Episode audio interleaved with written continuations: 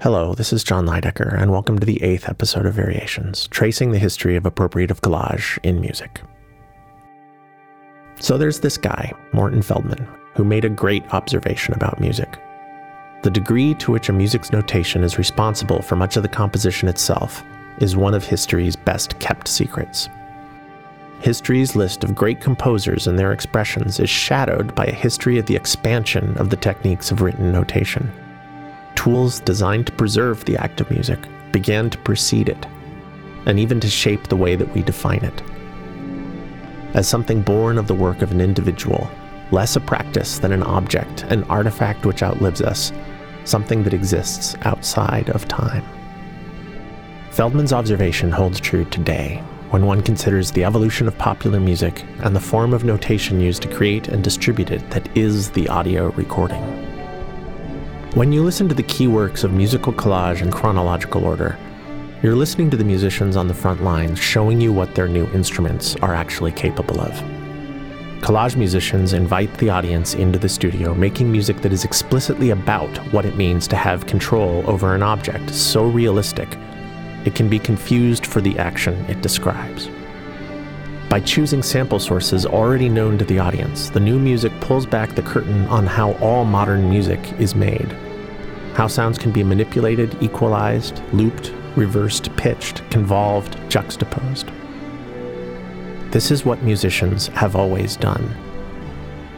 The continuity is so obvious, one would almost wonder what it was about sampling that seemed so dangerous, offensive, even a threat to our very definition of music.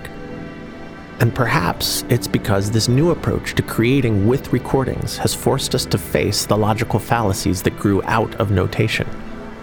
If a recording is the composition, is the music, then it becomes too easy to mistake music for a mere object. Objects which are owned by their authors, by their consumers. This is an ideology that grows out of our culture, a belief whereby we pledge ourselves to industrial capitalism. Except we intuitively know this definition does violence to what it is that music actually does.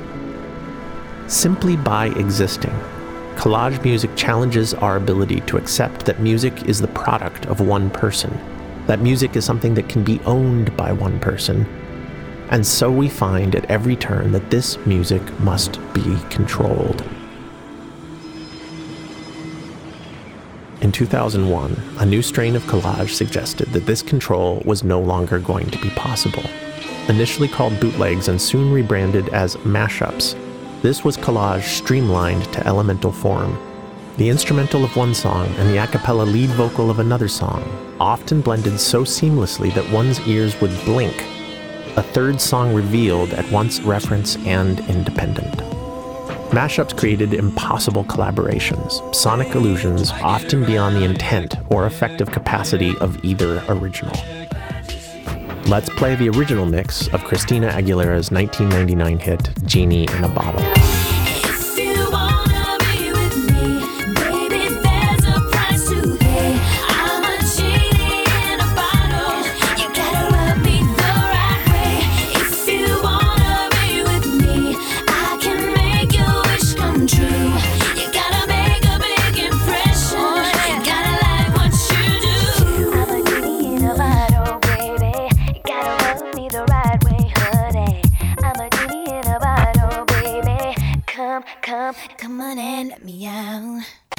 Extract the vocals away from the minor key instrumental. Add the major key garage rock of the Strokes, and you get freelance Hellraiser's A Stroke of Genius from 2001. Find yourself the author.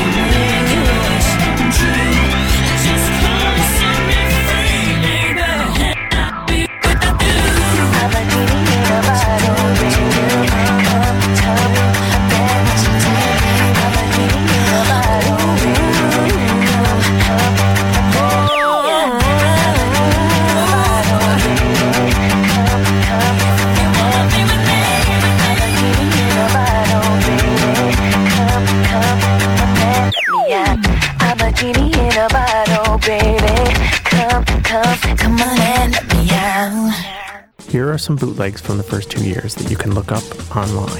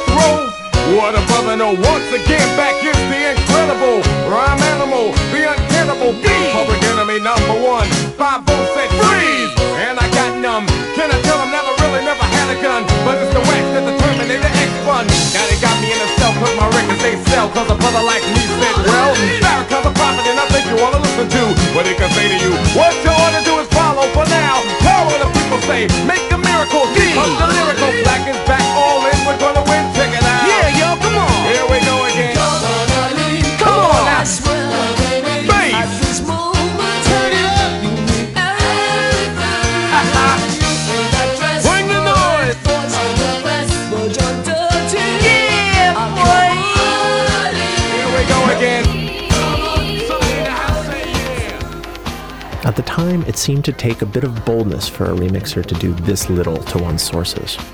Before 2001, Collage's emphasis was on transformation.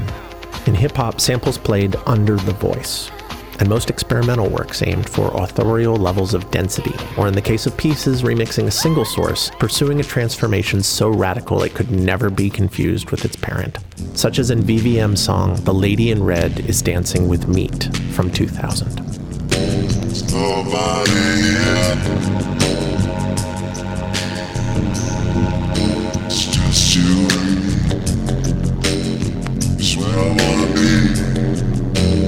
Well, I hardly know.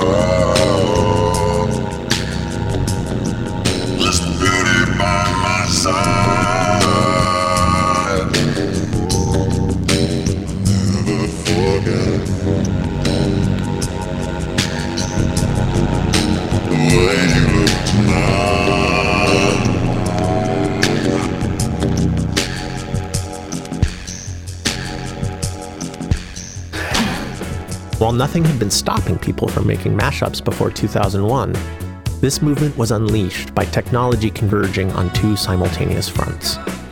Easily cracked digital editing software and the laptops on which to run them became widely available at the exact same moment as the dawn of online peer to peer file sharing networks, which eliminated the legal dangers of distributing physical copies of illegal art. Instantaneously, a flood of new producers emerged and connected with an online audience of millions. Is she really going out with him? OC Miso's Intro Inspection pushed the form while staying danceable with 100 songs in less than 12 minutes.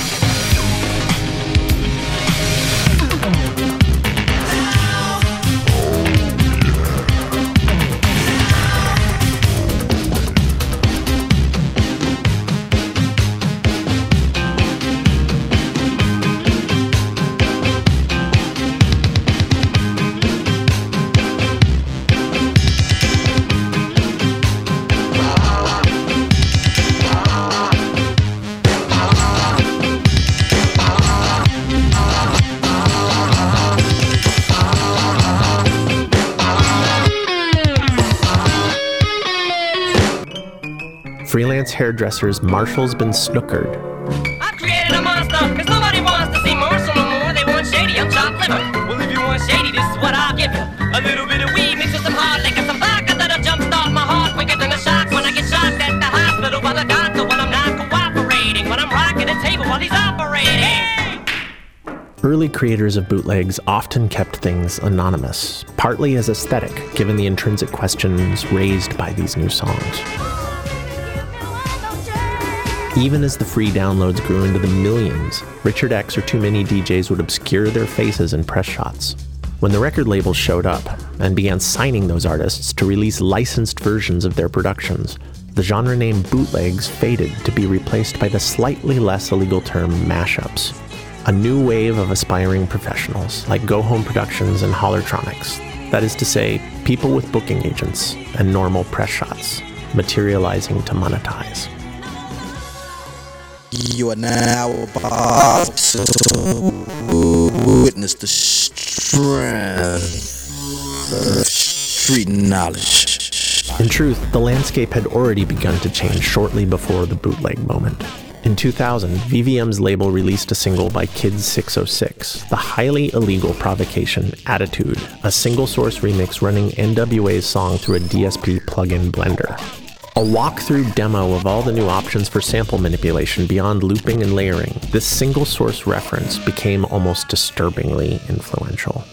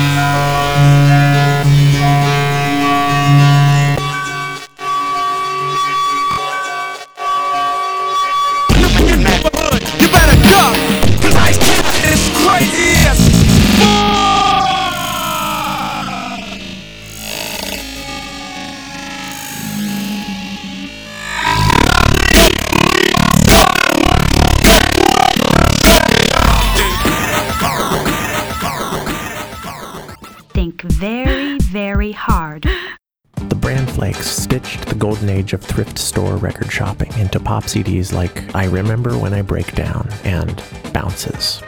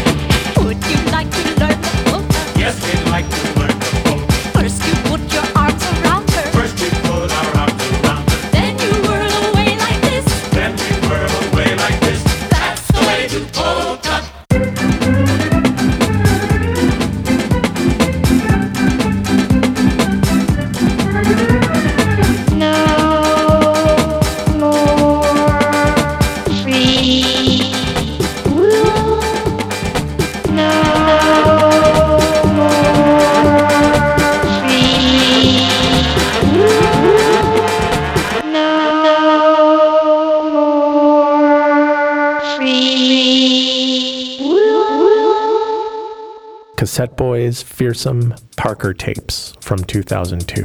The US is terrorist. America, they've never stopped bombing in Iraq. Tell me what that's really dark. One million five hundred thousand Iraqis died. Remember Iraq, remember Flow up, you flow up, New York, flow up, New York. fly an aeroplane in the New York streets. Blow up the World Trade Center, commit suicide like my man from Afghanistan. I, I, me to New I've got a razor in my pocket. You think you've flown before? Wait till you're locked in my plane. Once I get you up there, I'll be holding my knife deep in the heart of you. I'm round the bend, I'm mental, and I'm flying the plane. Let's fly, let's fly into buildings. Let's turn to ashes, cause I'm dying on a jet plane. I know I won't be back again. That's the way a jet plane crashes into World Trade Center. And now my skin is melting away.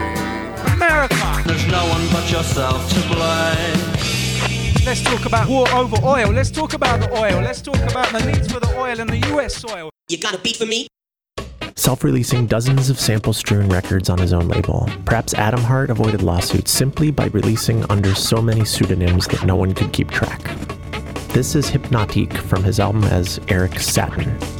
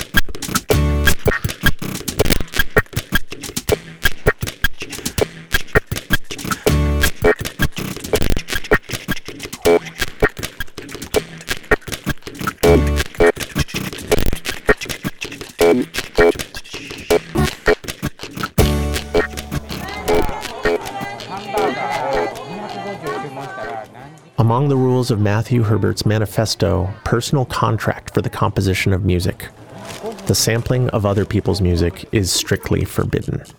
As Radio Boy, he live captured drum kits out of consumer detritus such as McDonald's wrappers and Coke bottles on the album The Mechanics of Destruction.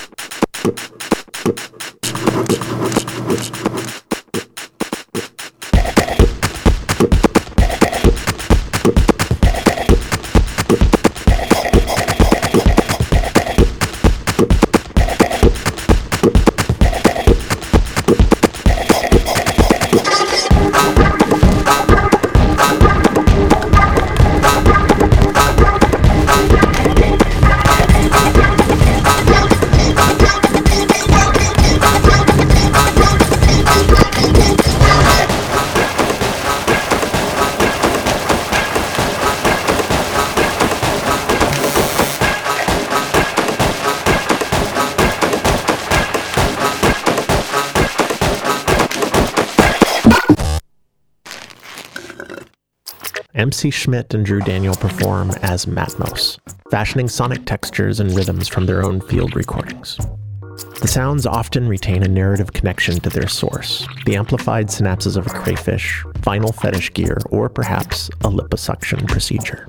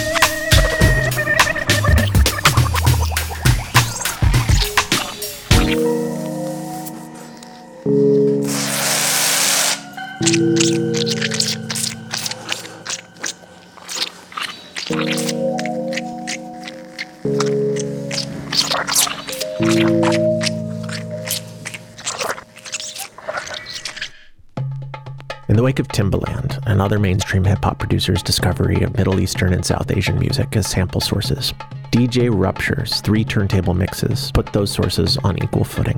North African, Arabic, Jamaican dancehall are much more than only samples on Gold Teeth Thief from 2001.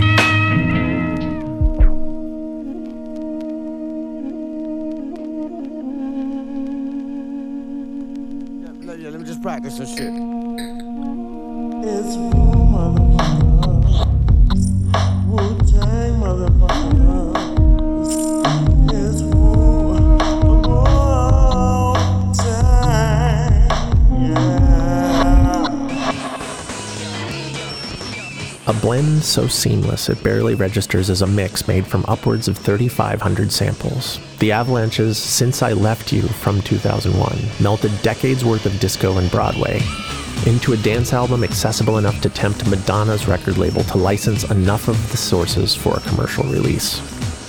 The major label platform made this album one of the most enduring mainstream works of collage. Sending those signals, sending those signals, sending those signals, those digital signals, sending those signals, sending those signals, sending those signals, those digital signals, sending those signals, sending those signals, sending those signals, those digital signals, sending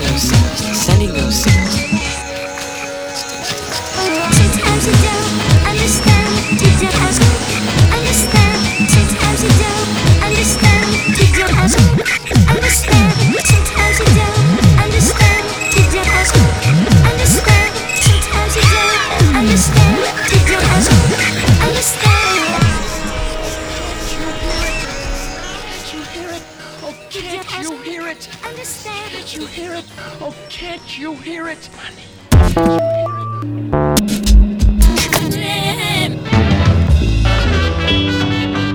We got tapes of that. You know. Scott Herren's Prefuse 73 foregrounded the digital splice, emphasizing the producer's presence through continuous sonic variety. 73. The music that everybody wants now.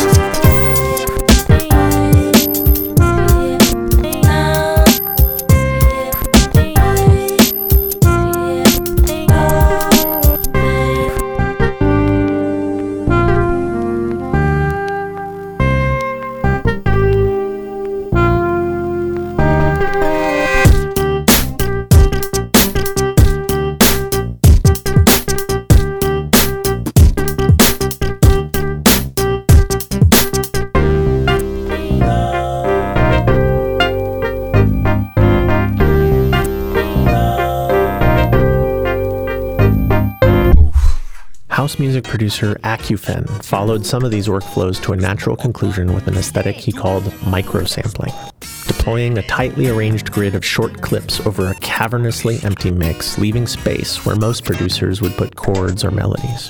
Each individual one second solo in succession imply the song's missing chords and tune. Listening fills in the space. This is Deck the House from 2002.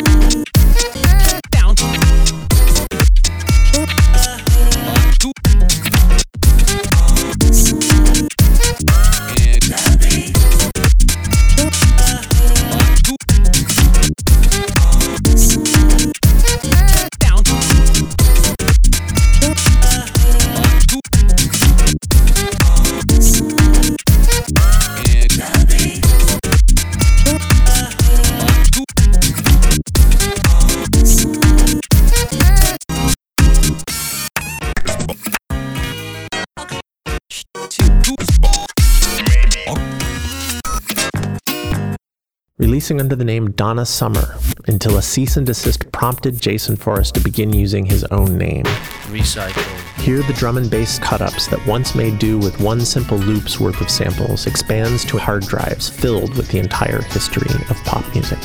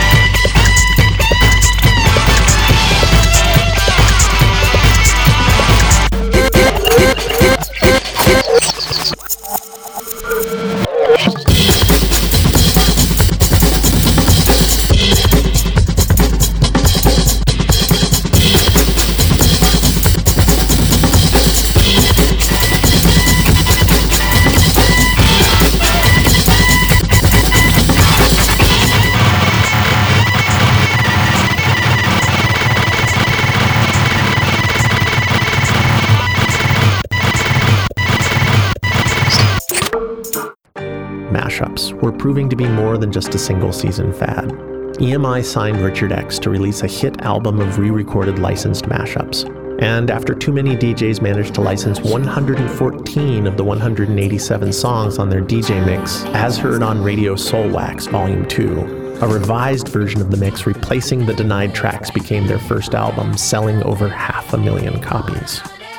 Even while releases like this were setting a precedent for a perfectly legal form of illegal art, Kid606's label Tigerbeat6 and its offshore shell operation sublabel Violent Turd went for outright provocation. Two years after Mashups gave the world permission, 2003's The Action Packed Mentalist. Mississippi, Mississippi, Mississippi, Mississippi, Mississippi, Mississippi, Mississippi, Mississippi, putting it down on the hottest round. I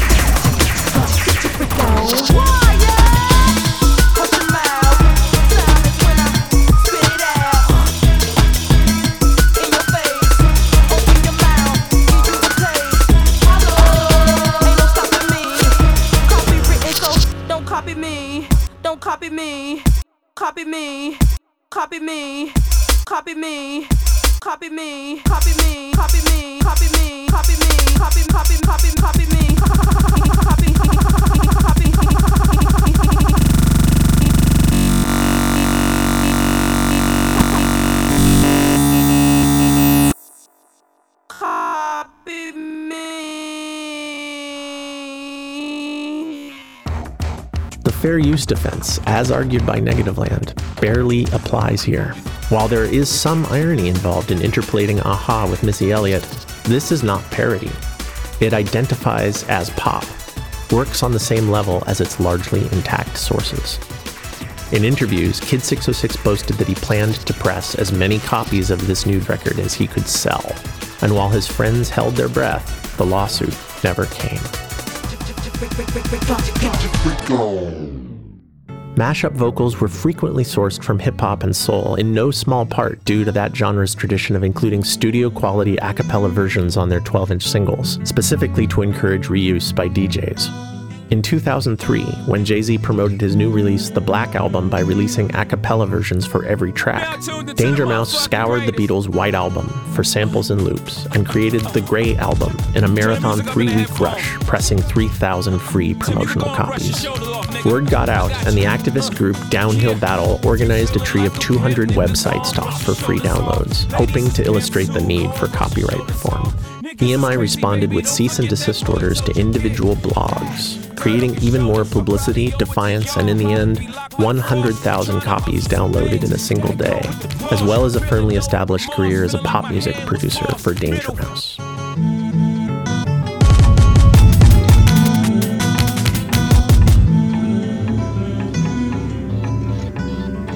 Less setting samples of speech to music than finding the music within the speech. This is Lost and Safe by the Books from 2005.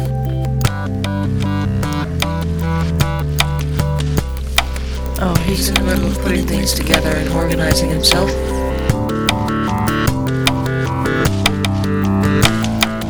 You do not need to stand on one foot.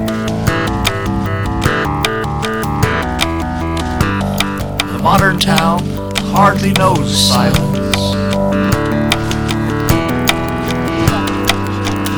You are something that the whole world is doing. You know, I simply cannot understand people. Oh, how sadly we mortals are deceived by our own imagination.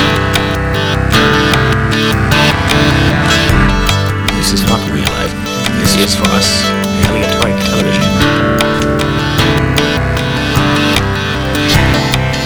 A mixed concert of soft instruments.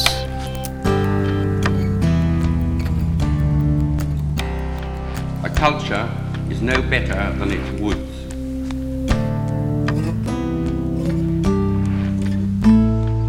A feeling of being connected with the past. This way. You may fall and break your leg.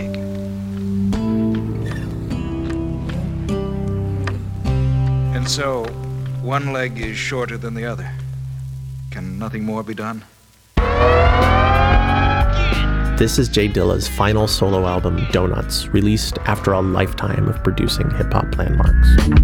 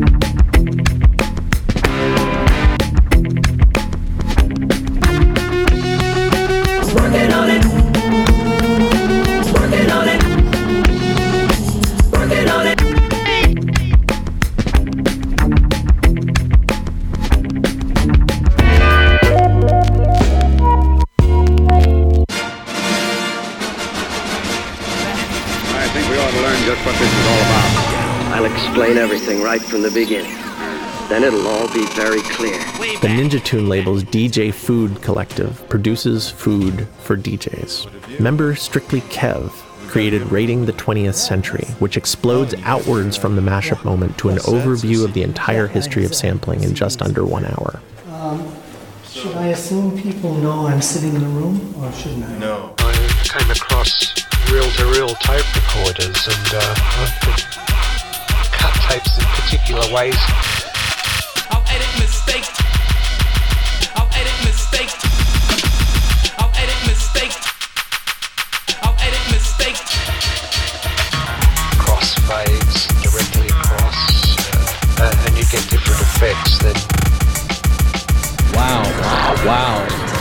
Sound editing just gets easier and easier. One should never completely trust a history written by someone aspiring to be a participant. This final episode has been difficult to finish, as I increasingly represent the work of people who are friends and collaborators. But as several of them have mentioned to me, this whole series makes a lot more sense if you think of it as a solo album instead of a documentary. If owners are a shared fiction, authors are wherever you look for them. And we heard uh, Girl Talk, sort of glitch remix abominations. Girl Talk. Fun, poppy, girl pop music, commercial stuff. Stop. In 2002, Girl Talk's webpage led with a quote from Kid606 saying he hadn't yet found the time to listen to his demo. That influence describes his first two records pretty well, still more experimental than pop. Slowly, he dropped the glitches, and his 2006 record Night Ripper turned Greg Gillis into Plunderphonia's first mainstream pop star. Over 200 uncleared hit songs are layered two to five deep, with continuously morphing and yet perfectly danceable hamster wheel of modern Western pop music. I be on that kryptonite, straight up on that kryptonite. I be on that straight up on that. I be on that kryptonite. I be on it all night, man. I be on it all day, straight up. Pimp, if you want me, you can find me in the air. Let me see them, let me see them. You can find me. Let me see them. Bounce that, bounce that, bounce that, bounce that. You can find me. Bounce that, bounce that. Let me see them, let me see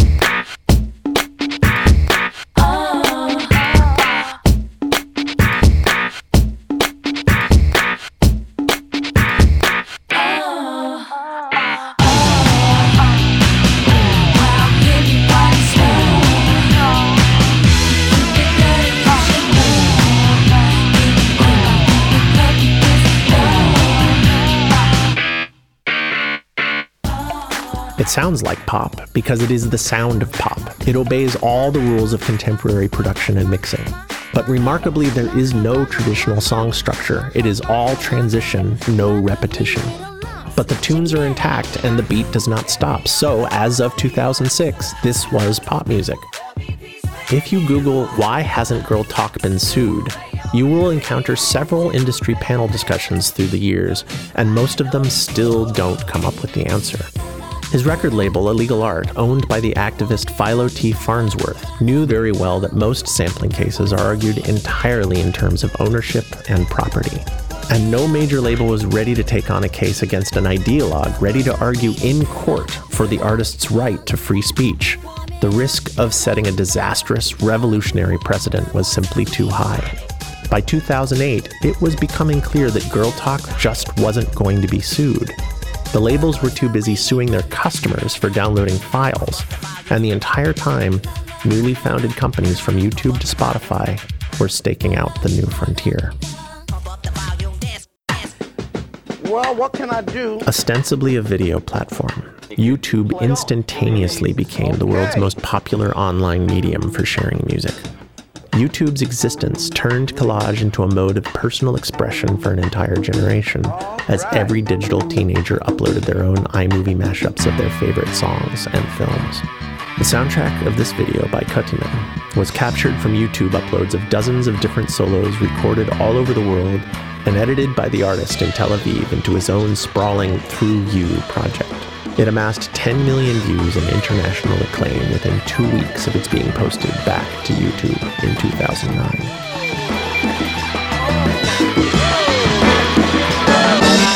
Oh! This is a fun party, huh, guys? Yeah, yeah, this is great. I feel like having sex.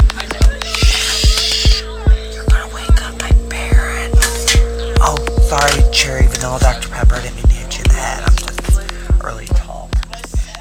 Though it might be sheer nepotism to feature the work of my friend Drew Daniel twice in one episode, his concentratedly plunderphonic house project, The Soft Pink Truth, was rechristened Soft Pink Tube in 2008, using search terms in YouTube to find samples for each track. This is Party Pills. You shouldn't pills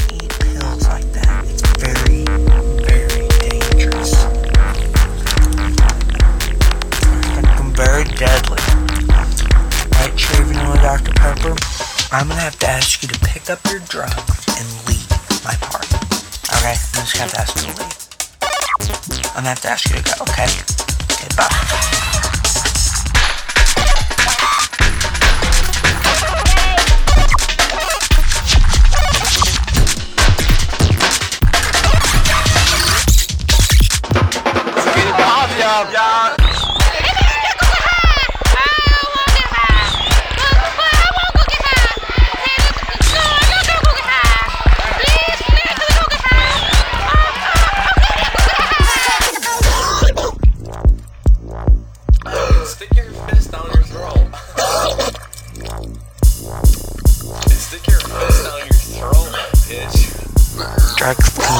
You up.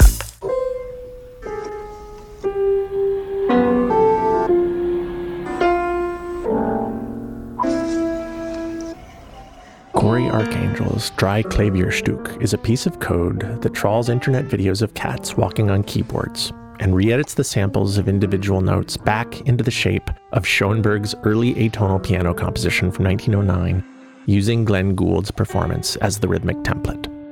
This makes sense.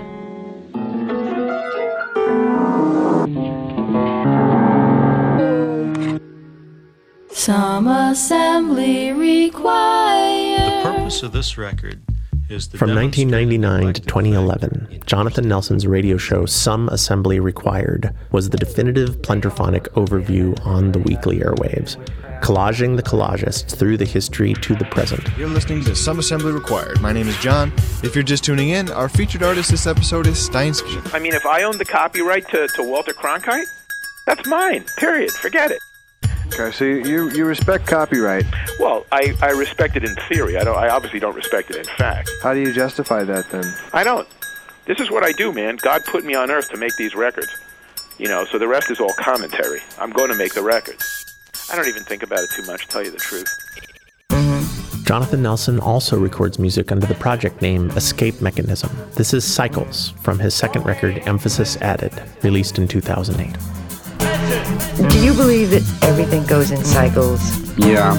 Everything goes in, everything goes in, everything goes in. I, yeah, of course I, I do. I, but I don't. I think that each time something comes round, Mm. another layer is added to it.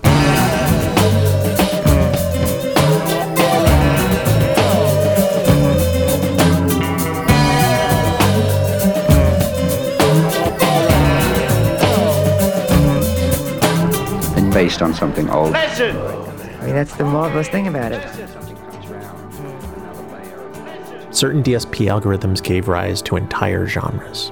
A breakthrough approach to audio time stretching enabled composer Leif Inge's work Nine Beet Stretch in 2004. Beethoven's Ninth Symphony extended to precisely 24 hours. Each eighth note in the original work becomes a massive 20 second fact.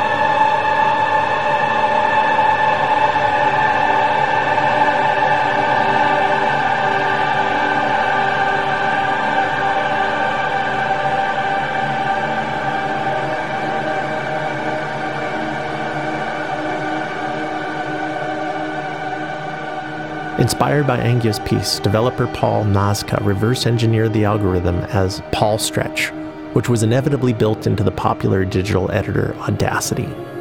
In 2010, user Shamantis slowed a new single by Justin Bieber and re uploaded it as J Beeb's 800 Times Smile. And a viral audience of millions found their way to the result a ghostly soprano freed from all language.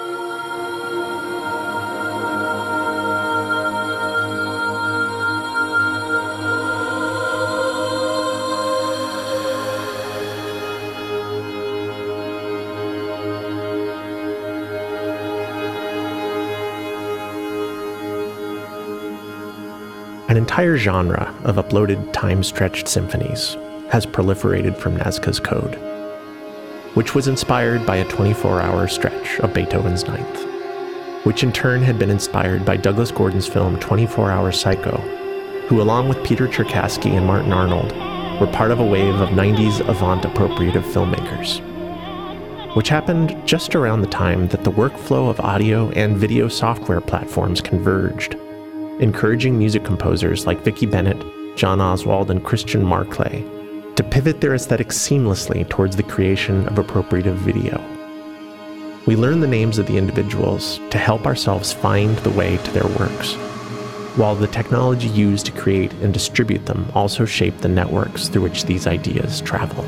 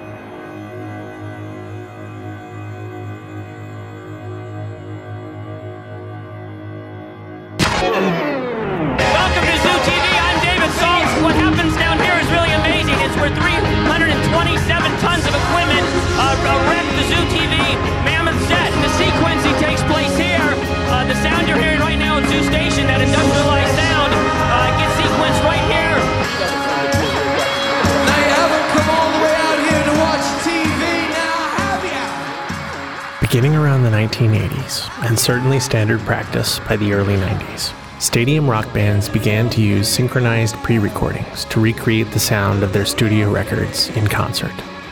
Perhaps 95% of the time you're hearing real live singing, but after 10 cartwheels and two encores, if, by the end of the night, that singer can't hit the high note, the live engineer usually has them covered with a sample.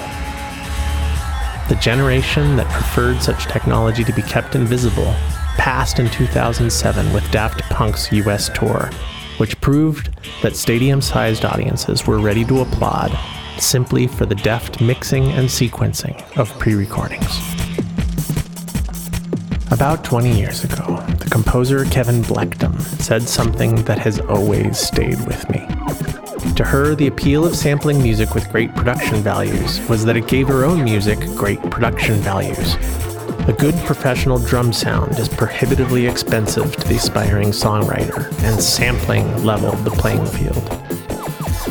30 years after hip hop has made sampling commonplace in popular music, the presence of a sample signifies more than curation and taste. A sample is a display of the legal resources needed to use that sample, signifying wealth, power, and ownership. Not just anyone gets the sample, Michael Jackson. Sing four consecutive words from a song of his, and his estate will materialize to make sure that he's got a share of the publishing. Read the increasingly small print in the liner notes of a modern rap or R&B album, and you'll find song credits shared by 5 to 20 people. And yet no one seems to challenge the authorship of Kanye West. The bewildering diversity of sources on his albums forge connections between soul and krautrock, gospel, prog, and IDM, while simultaneously proclaiming himself the owner of the result. No one man should have all that power. The clock's ticking, I just count the hours. Stop tripping, I'm tripping off the.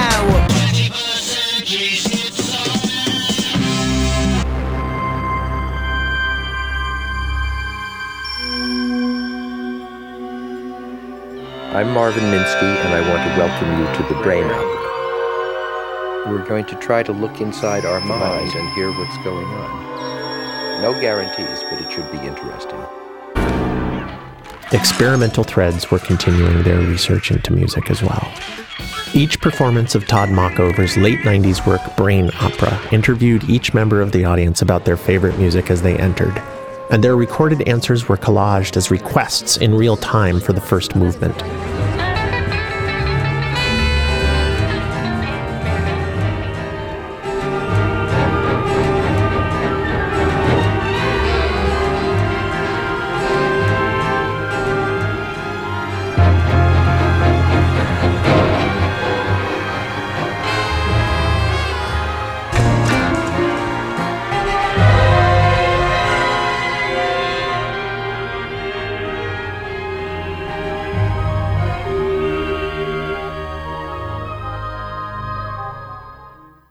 The sound of magnetic oxide on an analog tape loop slowly crumbling away with each repetition.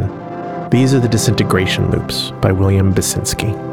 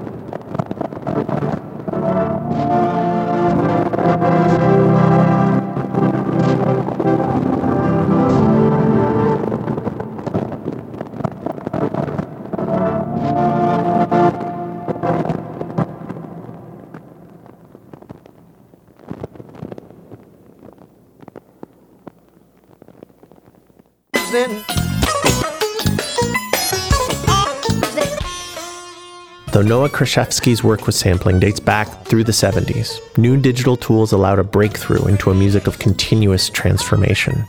The sound is the melody in Hyperrealism from 2003.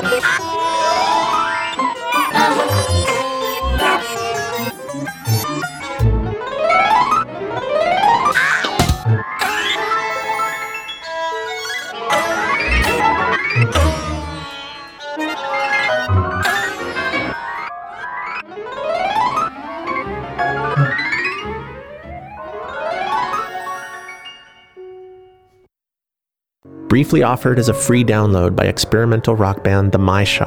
The mixtape from 2004 is a simple splice tour through 2,000 of their favorite songs, but also captures a precise moment the arrival of the iPod and the impact of random shuffle play collapsing all known attempts at defining music by genre. A modern way of answering the question what kind of music do you even listen to?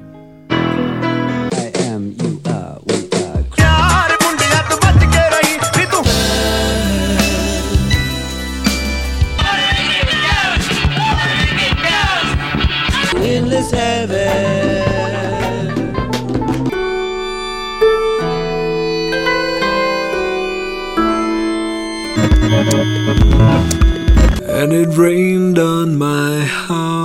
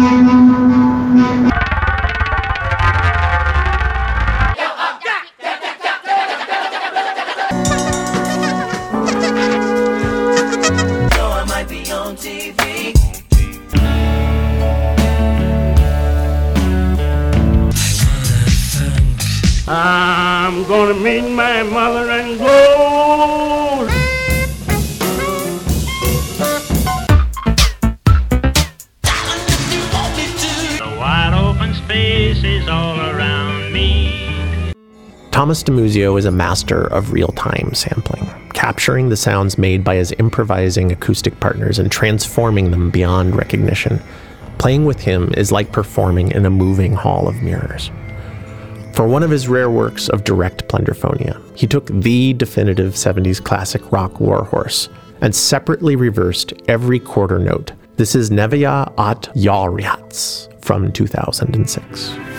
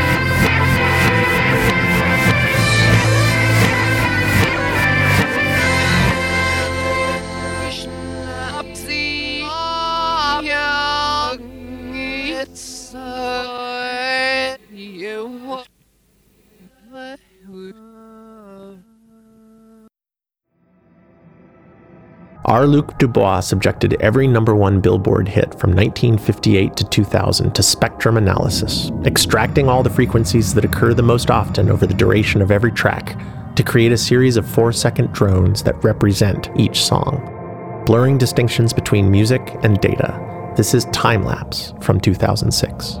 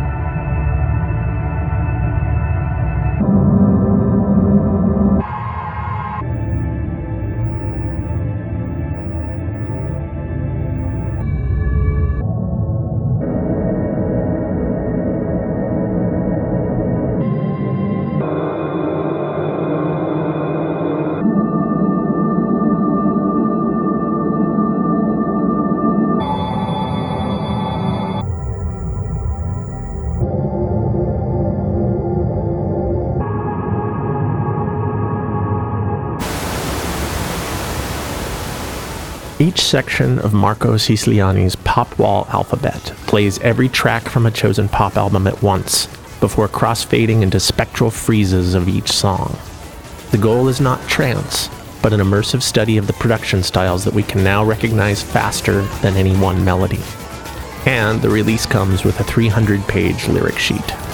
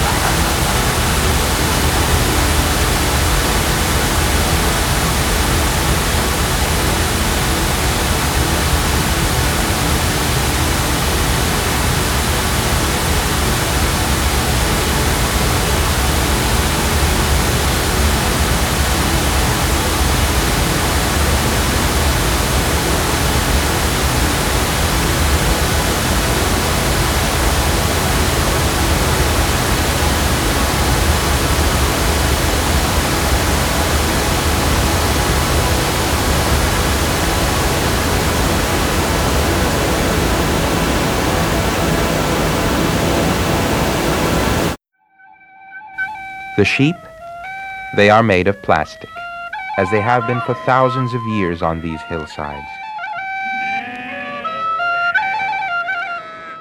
Mark Jurgis records as Poorest, sample constructions combining elements of political agitprop that force listeners to demand an explanation.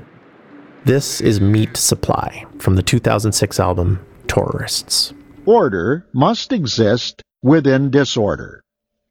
The Department of Agriculture says the greatest threat to the economy and environment of the state is from the poor people around the world. Their numbers have sharply increased, and they have quickly spread. There are many efforts designed to stop the spread and to reduce their population size. Hong Kong has almost 7 million people that will never disappear. However, they are not especially aggressive. People there are made to taste like either chicken or beef. One human is enough to provide meat for about eight American homes. He says the United States will now become a leader in taste. However, many poor people contain high levels of a poisonous substance that must be removed before the people can be eaten. In the Middle East, large pieces of meat are more important than borders, men, boys, girls, or political conflicts. Information can be found on the INS Internet website www.meet.ins.gov. Koki. Active with the Los Angeles Free Music Society since the 1980s, capturing handheld analog tape loops with digital tools, Joseph Hammer creates churning streams moving time both backwards and forwards. This is Roadless Travel from 2013.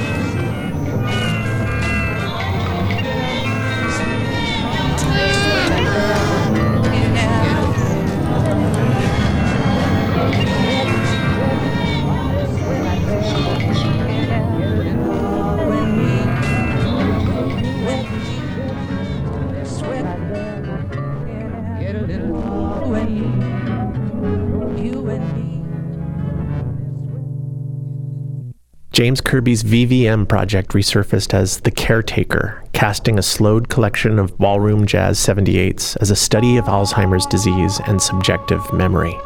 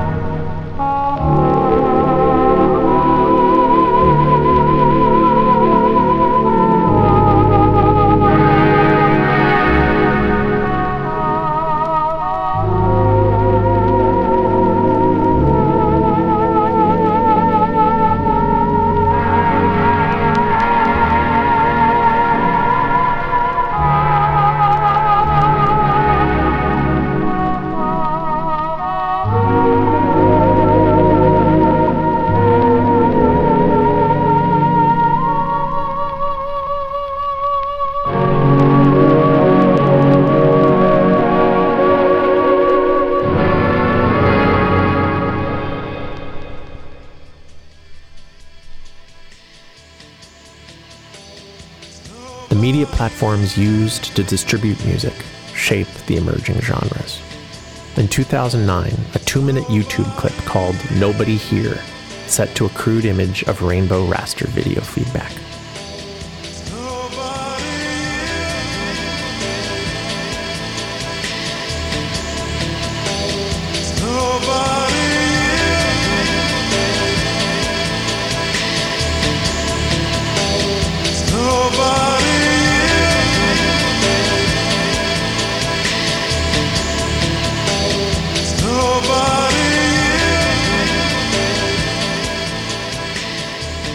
This is the second piece this episode, based entirely on a sample of Chris Berg's Lady in Red, an online loop longer than your life.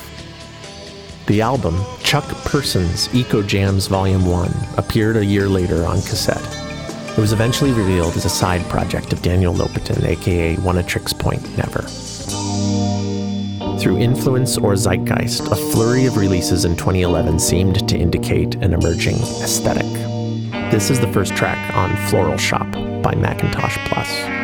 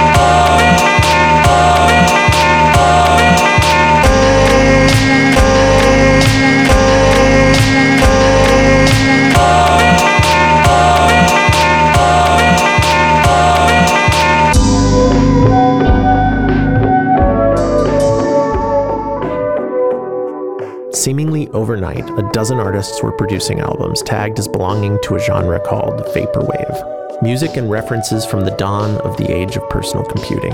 Slick 80s R&B and yacht rock, Windows 95 general MIDI presets. Library music from early 90s cable weather stations. Sound fidelity pushed to extremes of either total digital clarity or low-speed VHS tapes playing back with tracking errors. Some of the tracks are highly edited, some are virtually unchanged. It can be tricky to tell the difference between a track that was slaved on or a track from 30 years ago that was borrowed outright and simply slowed down. What appeared to be a vast spontaneous movement was largely the work of one Ramona Xavier, operating under pseudonyms, attempting a one woman zeitgeist. Others joined in, less thrown off than inspired by this world building, and the fictional diaspora became an online community producing Vaporwave.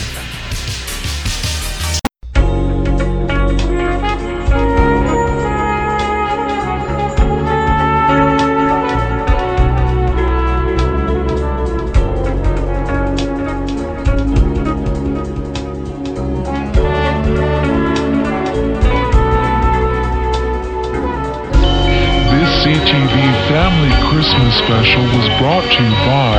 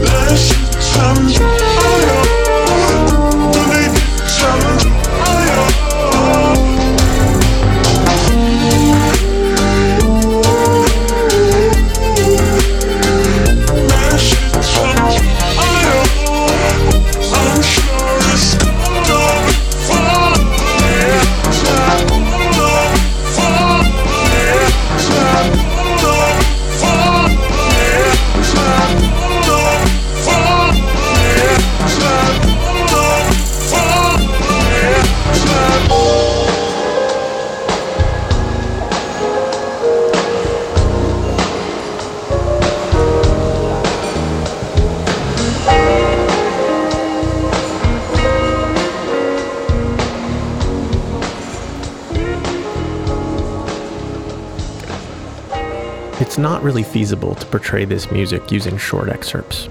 Not when one of the primary influences is 10 hour long YouTubes made out of one 40 second long loop of the same piece of music. Fixed durations or music designed to be listened to more than once went out the window with physical media. Was music meant to be this easy to make? Vaporwave might be the music that's playing at the moment that you decide that you don't need to know if everyone else on the internet is joking before deciding if you are too or if you aren't. Nostalgia unattached to reference, less about irony than facts, and even the music you hated as an eight year old, especially that music, holds unbelievable power that seeps out the second you cut into it, the second you slow it down.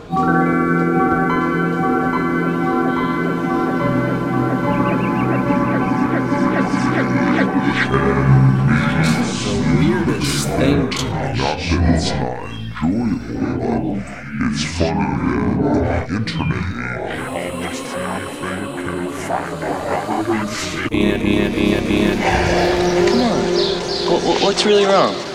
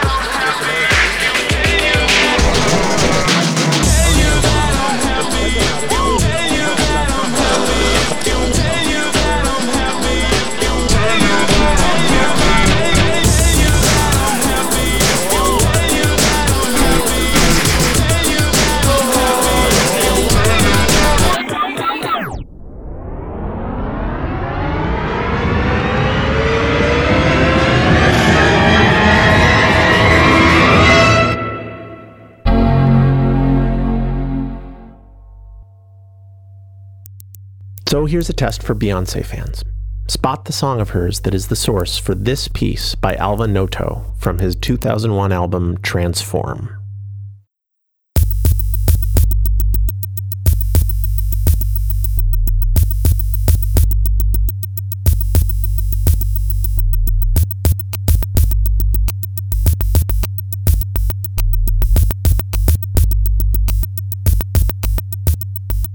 Though this track contains absolutely no source audio from Destiny's Child, it was created by importing their track Bugaboo into a digital waveform editor and ripping the rhythmic grid of the original drum programming.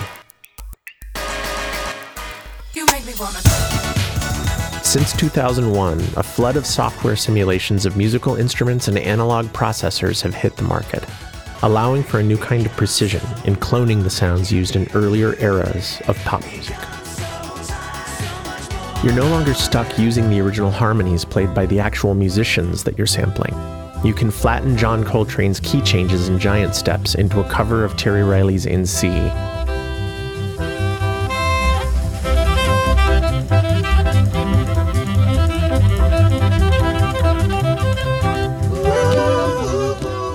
Or you can make Bobby McFerrin sound as if he's having a really miserable day.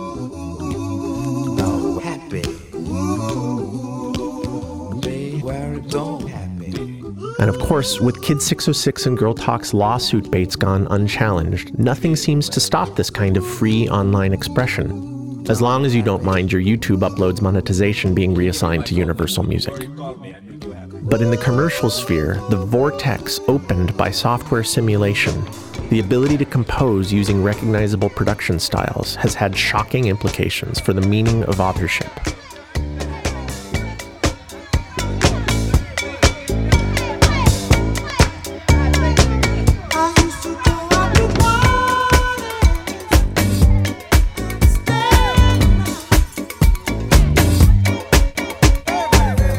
The sheet music for Robin Thicke's song Blurred Lines has nothing traceable to Marvin Gaye's Got to Give It Up. But software allowed the exact same instrumentation and mixing styles to be applied to a new performance. And when the producers of the new song admitted that they had been inspired by the original, a jury decided that theft had occurred. A precedent had been set that the production style of a recording was now protectable which, if you believe in an author's prerogative to protect and control all aspects of their creation, makes perfect sense. For decades, the sound of a song is as much the composition as the tune. And yet, what are we really affirming when we decide to allow this control? 150 years ago, if you could pick up an instrument and play in a regional folk tradition, it meant that you had directly experienced the way of life that had led to the form of music that you were playing.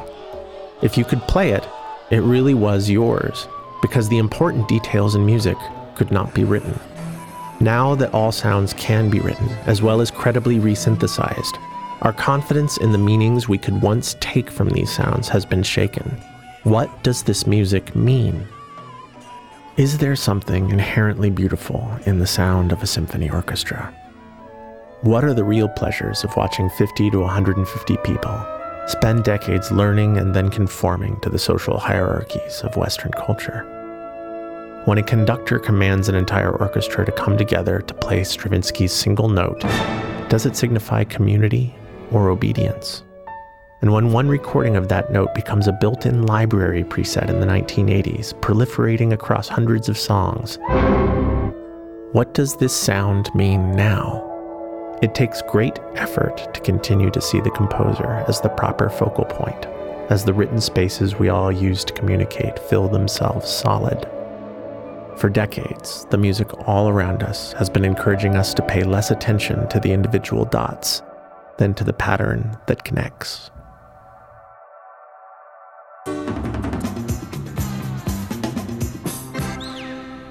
We could discuss the practice of culture jamming a term defined by Negativland and refined by Mark Dery to describe the remixing of mainstream media to turn it against itself and reveal the corporate and political interests it serves.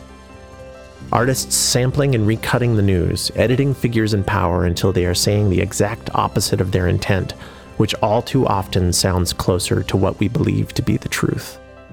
An early example from the 1950s, The Drunken Newscaster by Jerry Newman, has yet to rise from the archives, but was credited by William S. Burroughs in his proto culture jamming manifesto, The Invisible Generation, as an influence on his own early media cut ups. Is this machine recording? Is this machine recording? Johnson, addressing a meeting of editorial cartoonists at the White House, held three maids at gunpoint and proceeded to ransack the apartment. And the president added that on trial for perjury. Mr. Johnson renewed his call for unconditional peace talks and emphasized the weather. Scoop Nisker's late 60s news show for the Bay Area's KSAN was called If You Don't Like the News, Go Out and Make Some of Your Own, which is exactly what Nisker was effectively doing with his work. This is John Wayne. Television! Television! Ladies and gentlemen, the Honorable Governor of the State of California, Ronald Reagan. We will unite with other movements throughout the world to destroy, unprintable word, racist capitalism of the imperialist system. We will unite with other movements throughout the world to destroy, unprintable word, unprintable word, unprintable word of the unprintable word system. The medium is the massage. The medium is the massage. On the ocean of the conspiracy. This is Scoop reminding you if you didn't like the news, go out and make some of your own. Irv Teibel, perhaps best known as the anonymous force behind the Environments LP series of ambient field recordings, responded to the public discussion over the missing Nixon Watergate tapes by releasing a hypothetical version of them himself, a demonstration of just how easy it is to create a confession from public broadcasts. I had prior knowledge of the Watergate break in. I authorized subordinates to engage in illegal campaign tactics.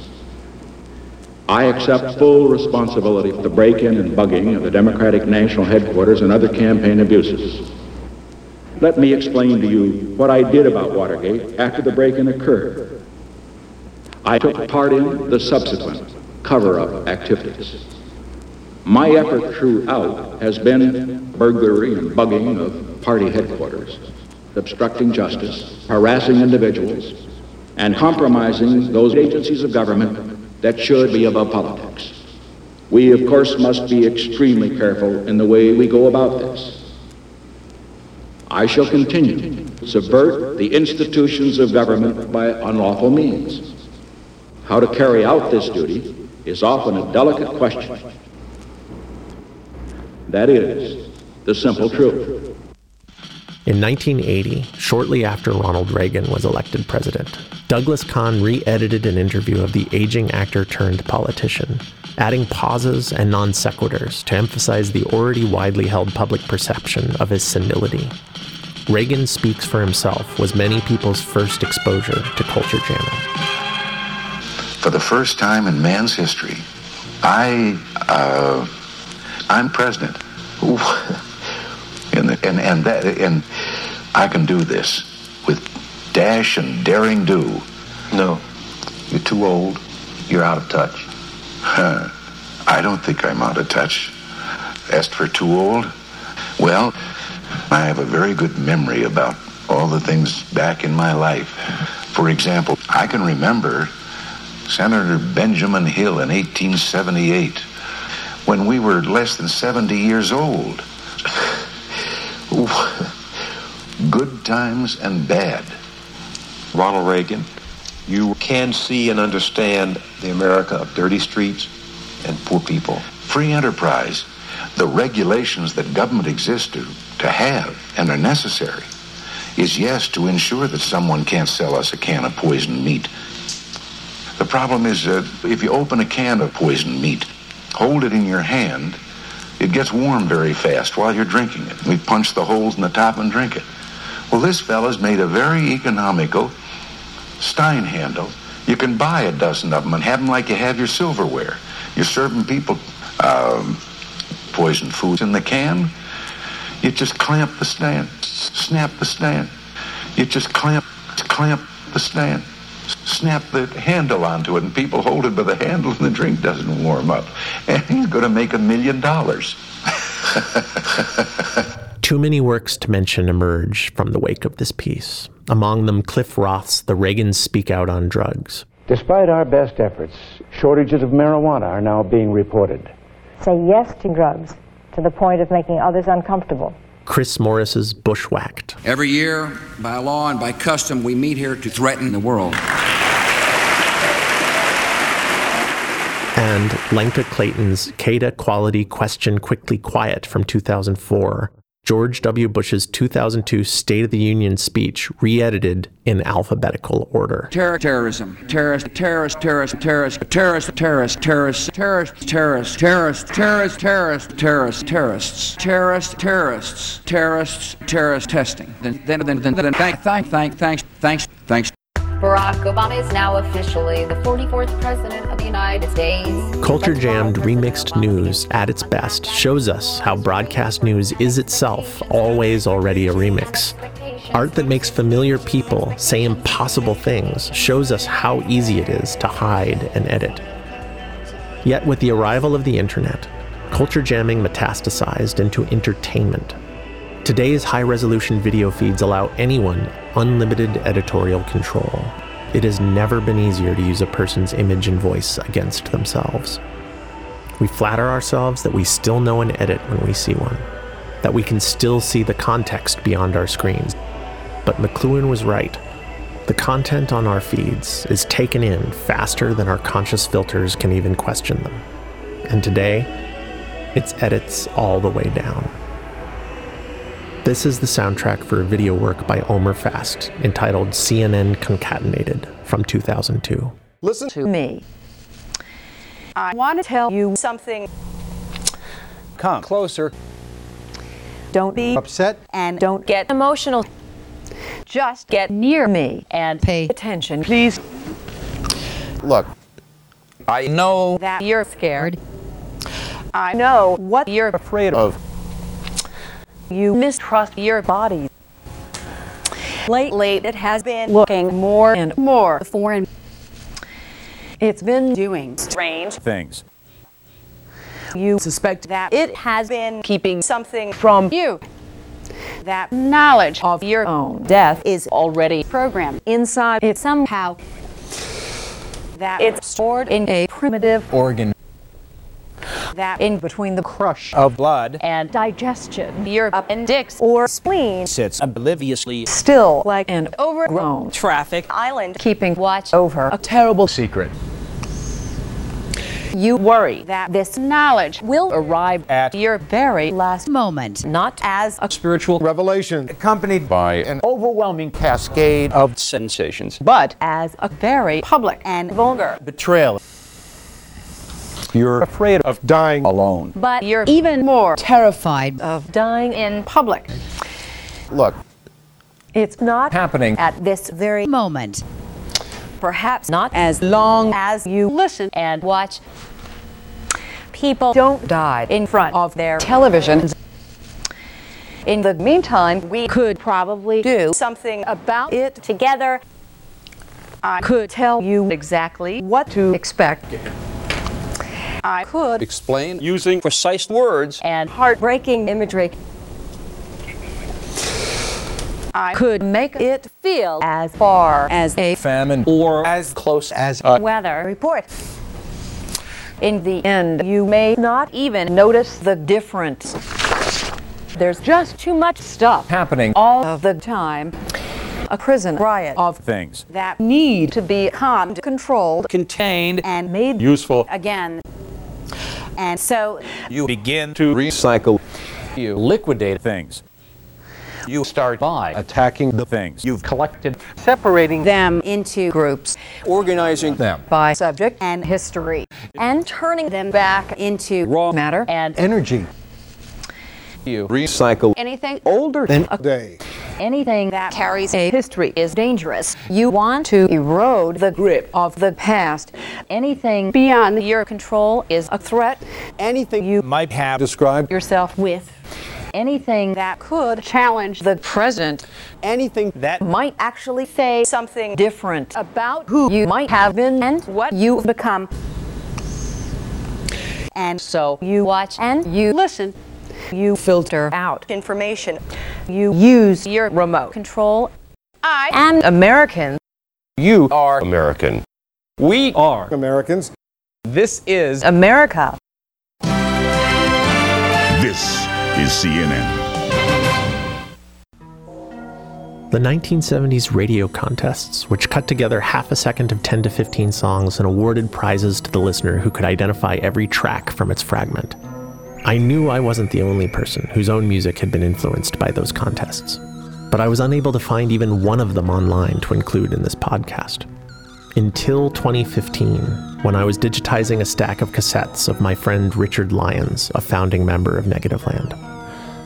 This is a recording of the teenaged Dick winning one of those contests. Summer, sunshine, summer, summertime, summer.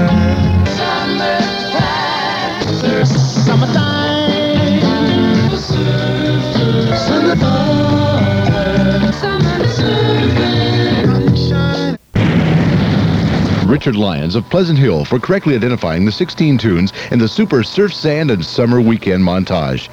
And now, here they are. Miss Sun by Boz Scaggs. Summer Nights by John Travolta and Olivia Newton-John. Surfing Safari by the Beach Boys. sunshine, Ain't No Sunshine by Bill Withers. Summer in the City by Lovin' Spoonful. In the Summertime by Mungo Jerry. Uh, Sealed with a Kiss by Gary Lewis and the Playboys.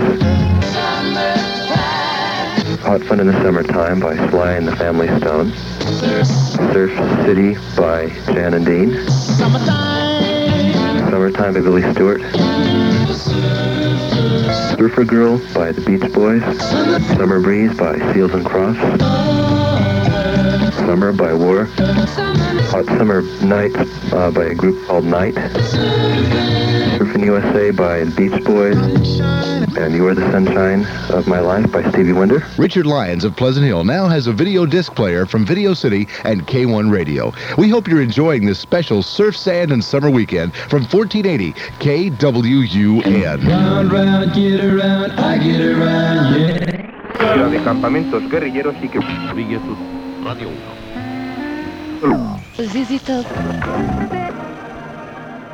After decades of recordings made off the radio and collecting cassettes while traveling in Southeast Asia, the Sun City Girls founded a label called Sublime Frequencies. While some of their CDs dutifully notated the sources, some of their more popular releases were their radio collages, lacking any documentation, favoring a subjective approach over the formal ethnomusicological framing of earlier releases on Folkways or Ocora records. This is the voice of America. This is the voice of America. How are you, Mr. Criminal? The resulting outrage was only matched by the popularity of the label's catalog, the size of which has now expanded to nearly 150 releases.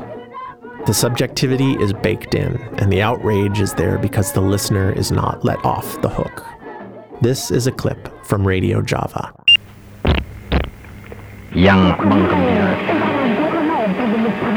Yang menggembirakan.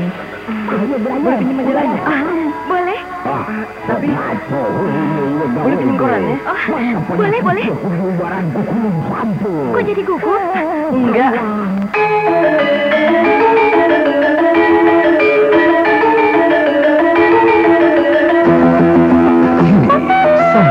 Menawarkan Anda 10 bukti nyata bahwa nilai dan kepuasan merokok ada pada tembakau.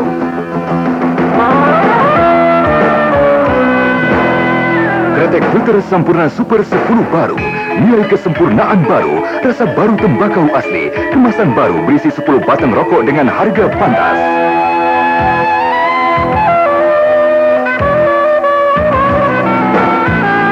Kaya akan rasa, Radio Indonesia dengan warta berita oleh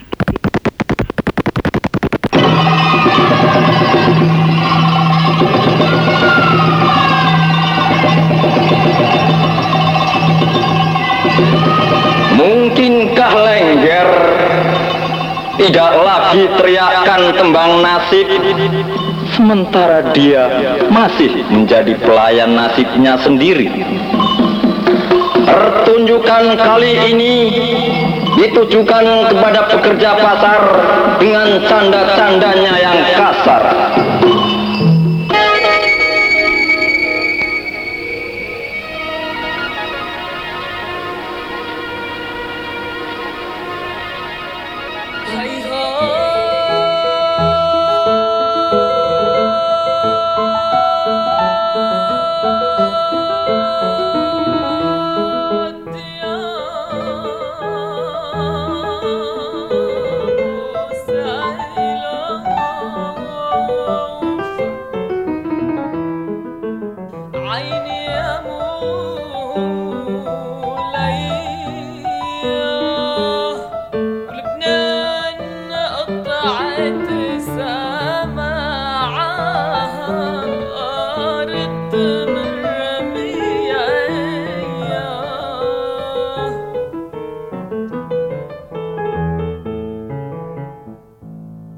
Society which sees its cultural artifacts showing up in the Western mix quickly understands that the West encourages its subjects to see music as an object, something to be used, instead of as the activity, the process essential to human trust and survival.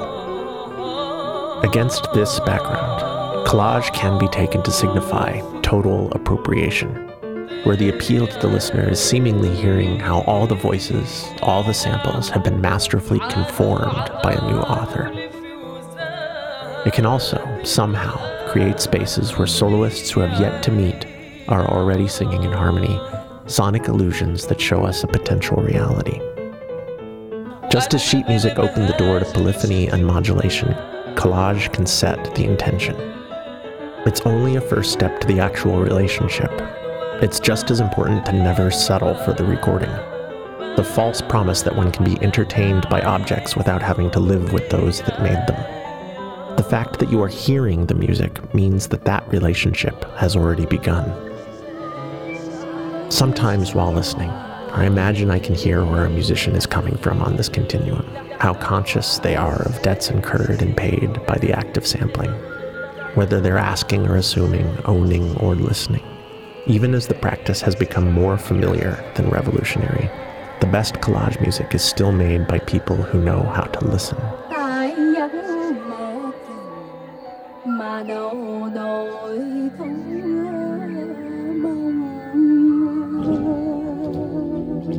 If I had managed to finish this series in 2010, when the old threats facing collage musicians seemed to have died down just a little, I might have found a different moral.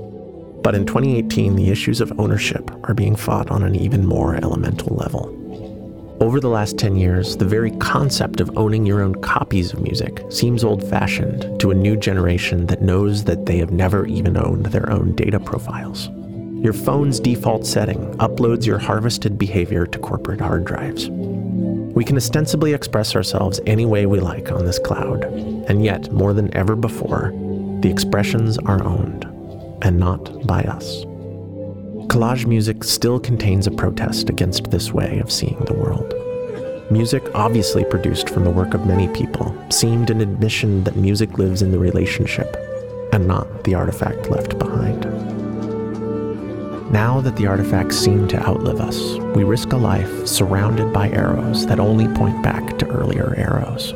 Until one remembers that it is actually still impossible to listen to the same piece of music twice. Collage brings those artifacts back into play.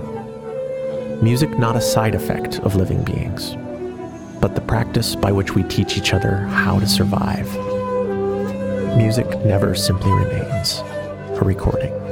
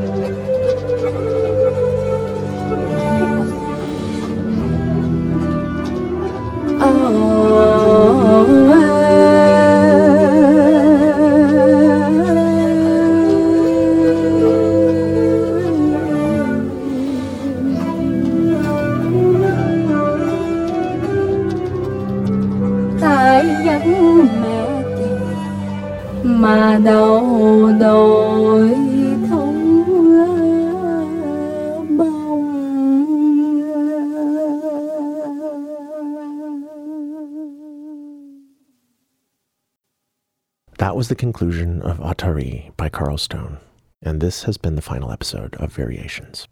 I'm Jon Leidecker, and thank you for listening.